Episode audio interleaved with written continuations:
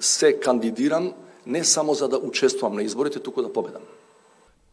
Актуелниот председател денеска ја објави својата кандидатура за втор мандат за шеф на државата. Пендаровски, кој од 2019-тата е на чело на Северна Македонија, најави дека станува збор за граѓанска кандидатура и ги повика граѓаните од недела да дадат подпис за него во подрачните единици на Државната изборна комисија. Истиот ден, 3 март, владеачкиот СДСМ на конвенција ќе официализира поддршката за Пендаровски за предстојните председателски избори зошто тој пак се кандидира за врвната позиција во земјата?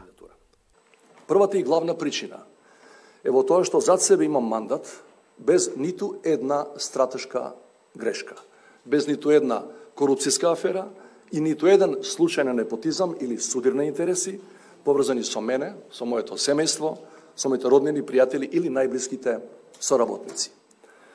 Бев национален координатор и ги предводев преговорите за членство на Македонија во НАТО, и во мојот прв мандат станавме членки на Алијансата.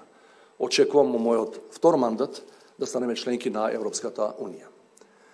Друга причина се моите политики во сферата на меѓуетничките односи кои се, знаете, биле и ќе бидат столб на внатрешната стабилност и кохезија на македонското општество. Третата причина е поврзана со втората. Во изминативе пет години покажав дека председателот може да биде независен од било кои центри на политичка или економска моќ во државата, вклучително и во однос на оние кои го поддржале на избори. Пендаровски очекува гласот за него да го дадат граѓаните од сите зедници, иако е свесен дека во првиот круг ќе трчат и кандидати поддржани од партиите на албанците и дека засега во прилог нему оди фактот што со владеачката ДУИ се разминаа за прашањето за законот за игри на среќа кој тој не го подпиша ги очекувам гласовите од сите етнички заедници, како што тоа се случи и 2014 година, малку мина знаат, веројатно дел од вас и помлади. Во 2014 на врвот на автократијата на Груевски и во време кога дуи тогаш во влада со ВМРО ДПМН имаше официјален став дека не се нема консензуален кандидат, јас имав 35.000 албански гласови.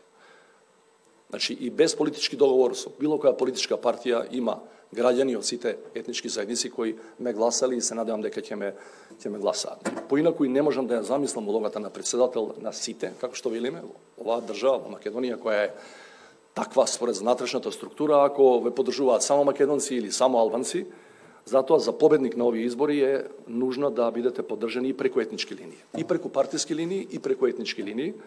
Тврди дека не размислува за тоа кој би бил потенцијален посакуван против кандидат во вториот круг. За сите останати кандидати вели дека ги почитува и дека со сите има коректни односи. Иако изјавите на дел од нив за ревизија или поништување на рамковниот преспанскиот и договорот со Бугарија ги смета за обид за кревање на рейтингот.